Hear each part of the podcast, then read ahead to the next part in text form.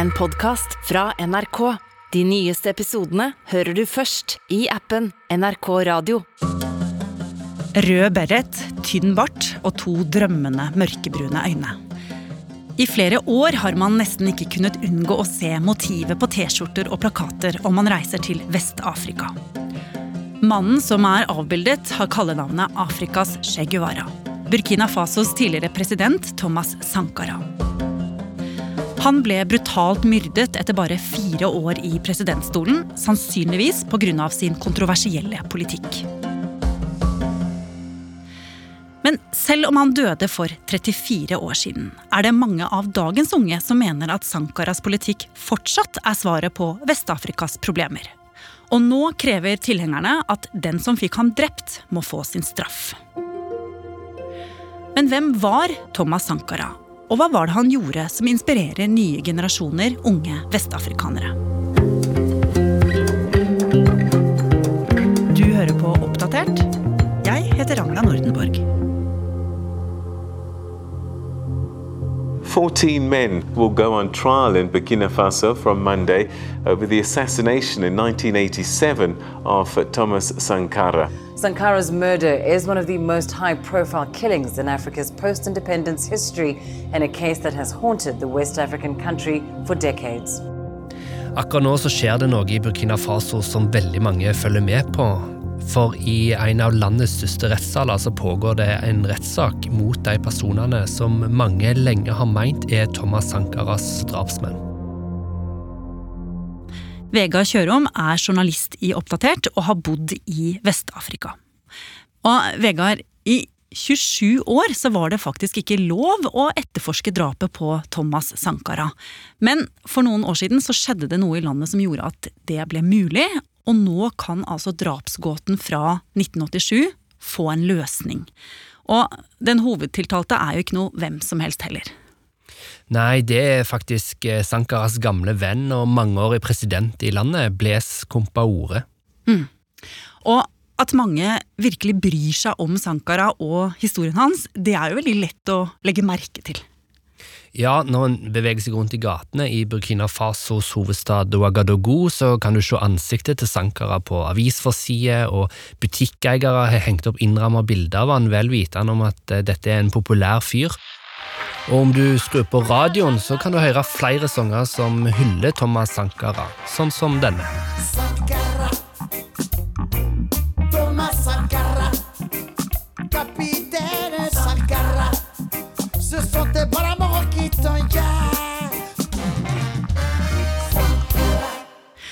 Men hvorfor bryr de seg sånn om skjebnen og politikken til en mann som har vært død i over 34 år? Altså, han er helten som aldri er helt døde, eh, og hans tanker og ideer lever i beste velgående.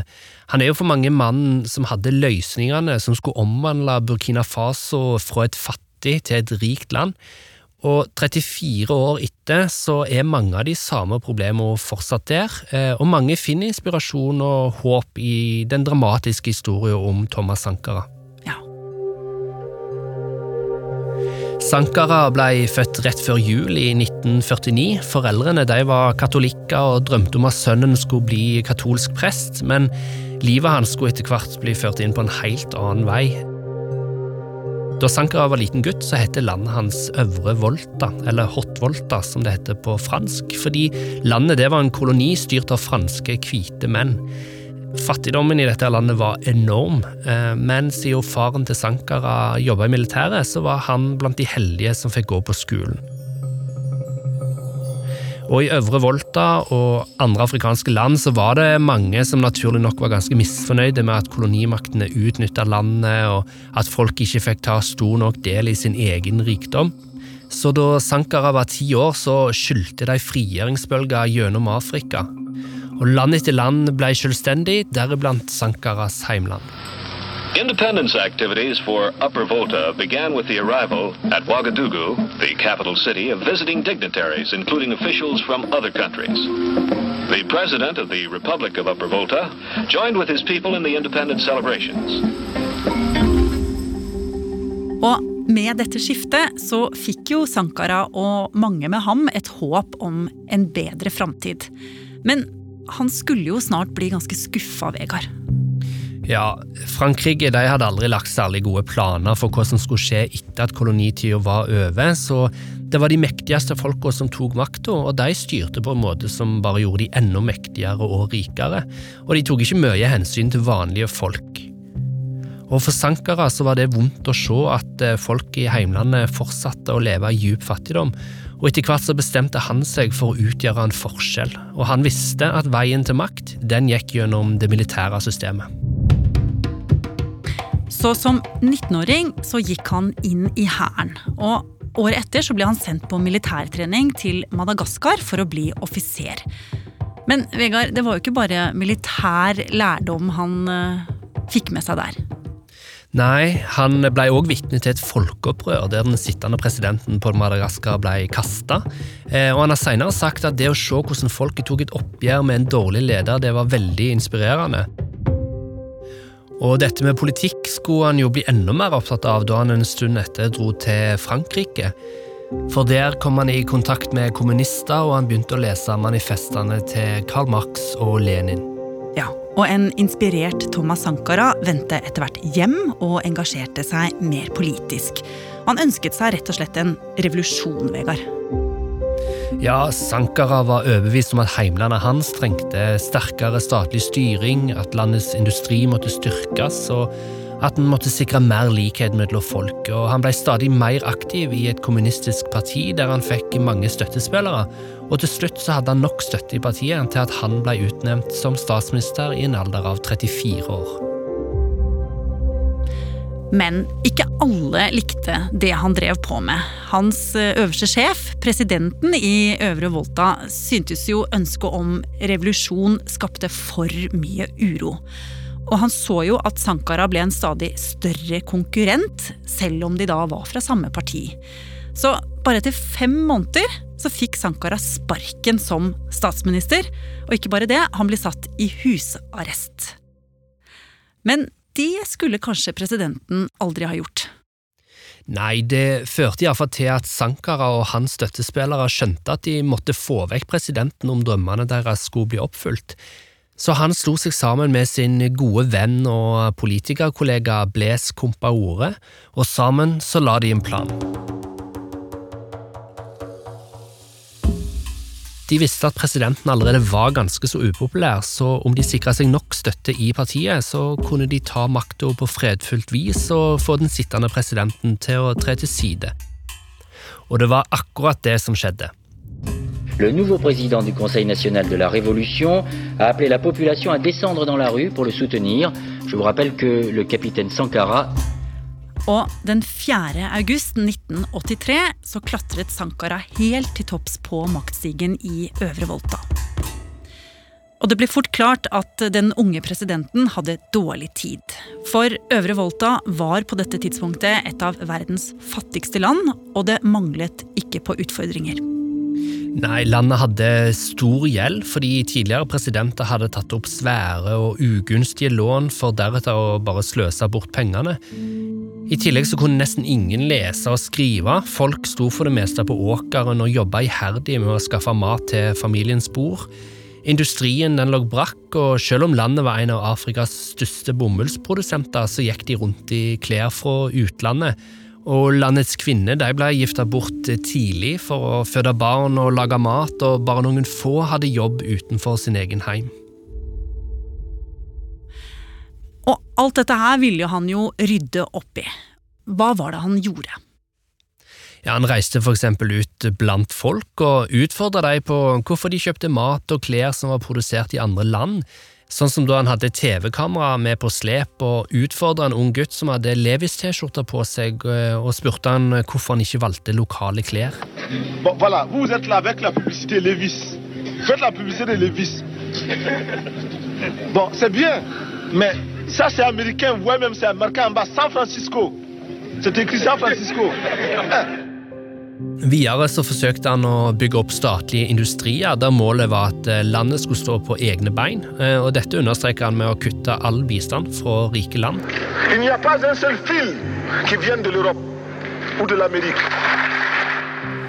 Og så skulle han gjøre noe som vakte oppsikt hos de rike, mektige koloniherrene i Europa. Eh, Sankara nekta å betale for diktatorgjelda som han mente at Vesten hadde et ansvar for. Han mente at fattige folk i heimlandet ikke skulle måtte betale for at Vesten hadde gitt store og ugunstige lån til uansvarlige ledere. Og dette oppfordrer han andre afrikanske land til å bli med på. Og En av hans mest kjente taler det er fra et møte i Den afrikanske union, der han sier at Afrika må stå opp mot Verdensbanken. Nous étions étrangers à cette dette. Nous ne pouvons donc pas la. Og dette her skapte jo vill begeistring hos mange. En afrikansk mann som sto opp mot vestlige, mektige institusjoner. Ja, og noe annet som skapte begeistring, det var de symbolske grepene som han tok, sånn som å kaste landets navn på historiens dynge. Eh, Øvre Volta det var Frankrikes navn, men Sankara han omdøpte landet til Burkina Faso, som betyr det hederlige folk sitt land på, på et lokalt språk. Og Sankara skrev òg en ny nasjonalsang, som fortsatt er landets nasjonalsang. Og stadig flere ble jo veldig stolte over landet sitt.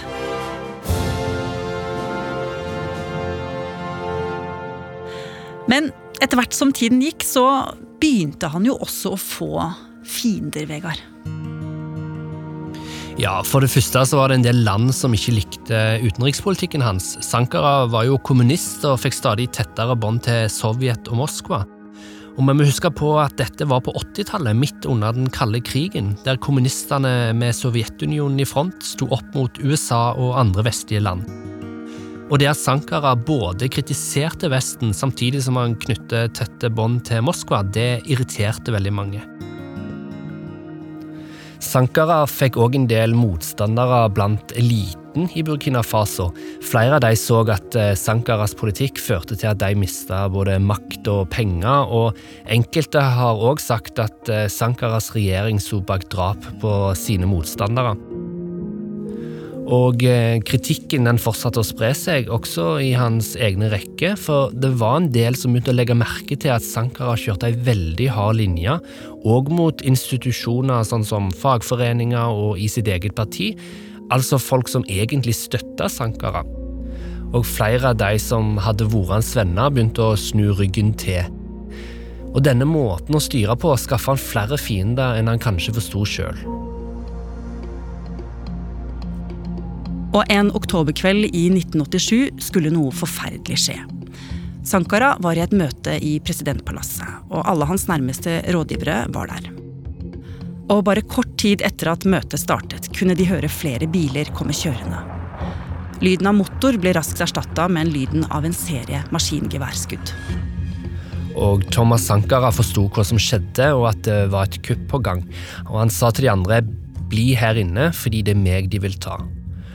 Og så gikk han ut døra med hendene over hodet, og bare etter noen få sekunder så blir han pepra med skudd. To av de treffer han i hodet, og presidenten dør der på trappa. Men eh, angrepet er ikke over. De væpna mennene stormer inn i presidentpalasset og dreper alle rådgiverne til Sankara, utenom én person som klarte å ligge helt stille til angrepet var over. Nyhetene om attentatet spredte seg raskt. Og mange var i sorg. Og mistanken om hvem som sto bak likvideringen av Sankara, ble rettet mot én mann. Han som hadde hjulpet Sankara til makten fire år i forveien, nemlig Blaise Compaore. Han hadde tatt makten samme kveld attentatet skjedde, og Compaore nekta for å ha noe med drapet å gjøre, men la samtidig ned et forbud mot å etterforske drapet. Og i året som gikk, ble det meste av Sankaras politikk endra tilbake til sånn det var før. Og under Kompaores ledelse så gikk det stadig dårligere i Burkina Faso. Landet gikk inn i en lang periode uten økonomisk utvikling. Og år etter år ble Burkina Faso plassert i bunnen av FNs liste over utvikla land. Men minnet om Sankara, det levde videre. Historiene om den karismatiske og modige presidenten ble ført videre mellom generasjoner.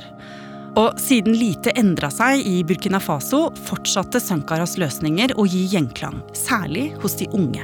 Og han ble dyrket som et ikon gjennom bilder og musikk. I sing about Sankara because Sankara is my Bible, is my Quran, is my Jesus, is my Muhammad. And he's the one that taught us some values.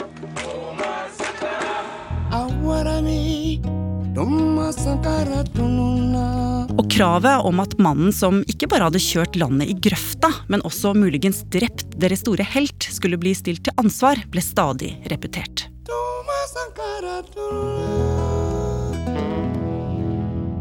Og 27 år etter Sankaras død skulle hans tilhengerskare endelig komme seg videre. For i 2014, da president Compaore forsøkte å endre grunnloven for å forlenge tida ved makta, kokte det over for folk. Opp mot en million mennesker har vært eh, i gatene. De er unge, de er sinte, og de er ikke minst utålmodige eh, etter å ha levd hele livet sitt med én president. Ungdommene de krevde presidentens avgang. De raida luksusvillaen til presidenten og gjorde det helt tydelig at de var klar for en ny ledelse. Og Bare etter noen få dager så flykta Compaore til nabolandet Elfenbenskysten. Det skytes utenfor fjernsynsstasjonen i Ogadogu, og folk tar dekning. En president har falt etter 27 år, og en rekke politiske aktører har meldt seg på i kampen om den ledige makten. Burkina Faso gjennomførte nye valg og fikk etter hvert en ny president. Og med Compaore ute av bildet fikk endelig etterforskningen fart på seg. Liket til Sankara ble gravd opp, og de kunne se hvordan han var blitt pepret med kuler. Og nå ble jo også politiets etterforskere mye tydeligere på hva de mente hadde skjedd med ham. Ja, de sa rett ut det mange lenge hadde tenkt, at Blaise Compaore var mistenkt for drapet på sin forgjenger. Og nå er han altså tiltalt for drapet på sin tidligere venn. Påtalemyndigheten mener han gjorde dette for å sikre seg makt, eh, og at han hadde støtte hos mange av de som hadde sett seg lei på Sankaras politikk. Ja, og han risikerer jo nå å bli dømt for dette drapet. Men det vil jo i så fall skje in absentia, altså uten at han er til stede. For Compaore han nekter å komme tilbake han til Burkina Faso. Han mener hele rettssaken er et forsøk på å sverte han politisk. Ja. Og Vegard, nå får vi jo altså kanskje svar på hvem som drepte ham etter alle disse år. Men hva med politikken og ideene? Er de bare en fjern drøm, eller er det mulig å kopiere det Sankara satte i gang den gangen? Det er nok ingen som ville gjort akkurat det samme som Sankara gjorde den dag i dag. Historien har vist oss at kommunisme ikke akkurat var noen suksessformel, og bare få år etter at Sankara ble drept, så kollapsa hele Sovjetunionen. Men i Burkina Faso så er jo fortsatt mye ganske likt som på 80-tallet, og det er tydelig at mange unge ser på Sankaras ideer som ganske gode. Mange afrikanere mener at rike land er en del av årsaken til at utviklinga går tregt. De ønsker å stå opp mot et økonomisk system der Vesten bestemmer for mye, og de ønsker seg ledere som setter folket først. Og Sankara var jo òg en veldig nøktern fyr som brukte sykkel framfor bil, og som valgte økonomiklasse på flyet i plassen for businessklasse. Og en del afrikanere skulle nok ønske at flere av dagens presidenter prioriterte på samme måte som Sankara.